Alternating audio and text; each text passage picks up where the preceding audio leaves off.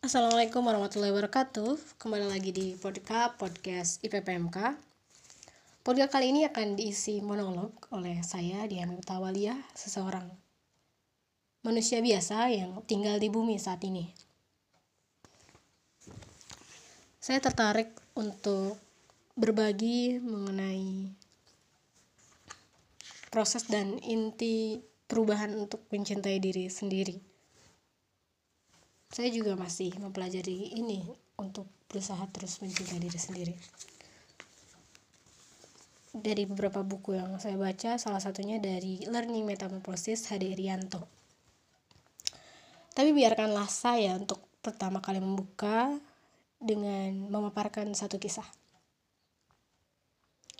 Hari Minggu 15 April 2007, Bundaran Halim Perdana Kusuma Jakarta menjadi istimewa bukan oleh tamu negara atau selebritis kelas dunia, namun oleh warga negara biasa yang punya pribadi dan nyali luar biasa.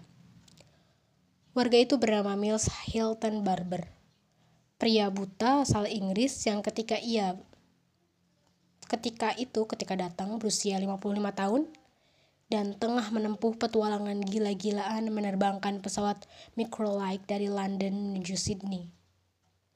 Dalam rencananya, Mills membutuhkan waktu 55 hari untuk menyelesaikan rute yang berjarak 13.500 mil atau 20 ribuan kilometer. Singgahnya di Halim Perdana Kusuma bertepatan dengan hari perjalanannya yang ke-41.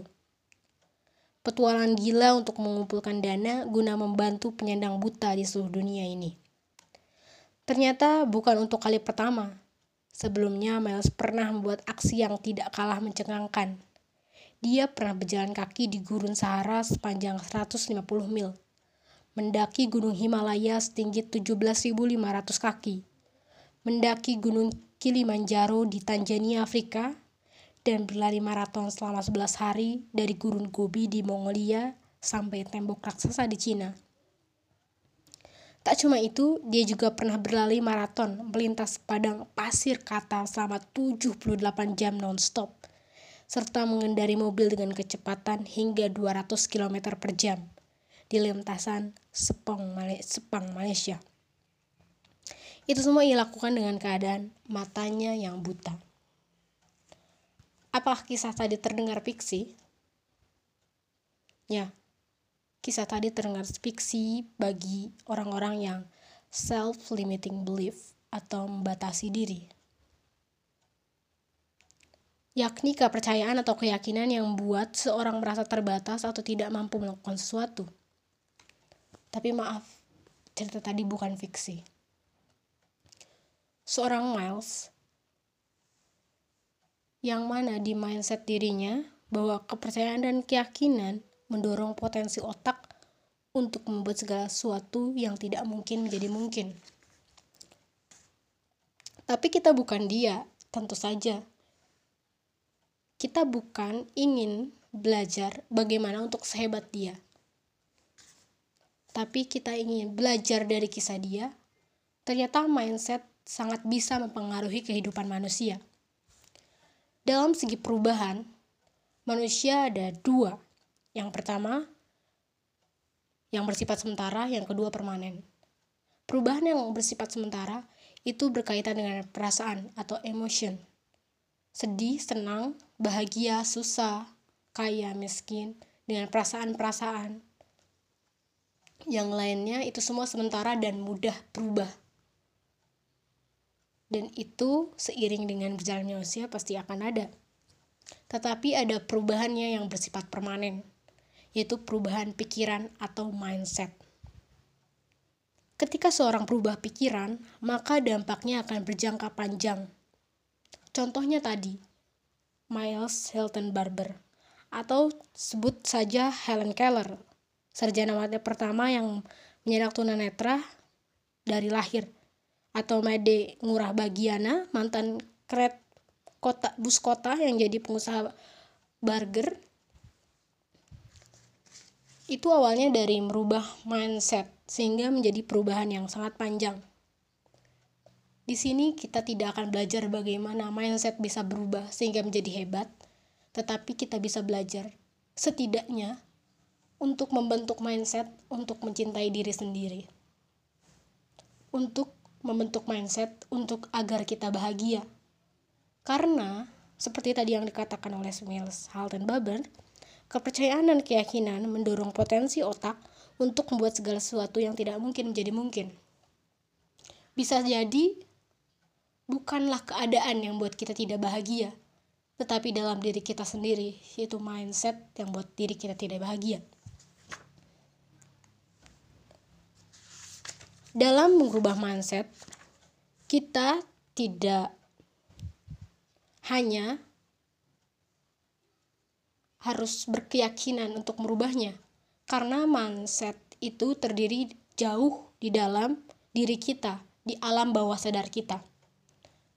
Dalam buku Learning Metamorphosa ini dijelaskan bahwa ada tiga yang agar kita bisa membentuk mindset agar menjadi perubahan kita menjadi kehidupan ke depannya.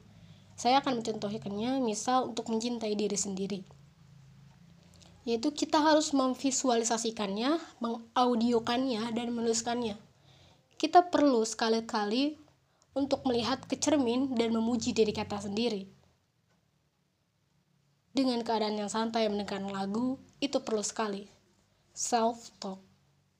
Coba lakukan itu secara sering bila memang merasa belum bahagia, bila memang merasa belum mencintai diri sendiri.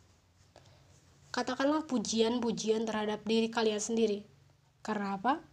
Kalian pantas mendapatkannya.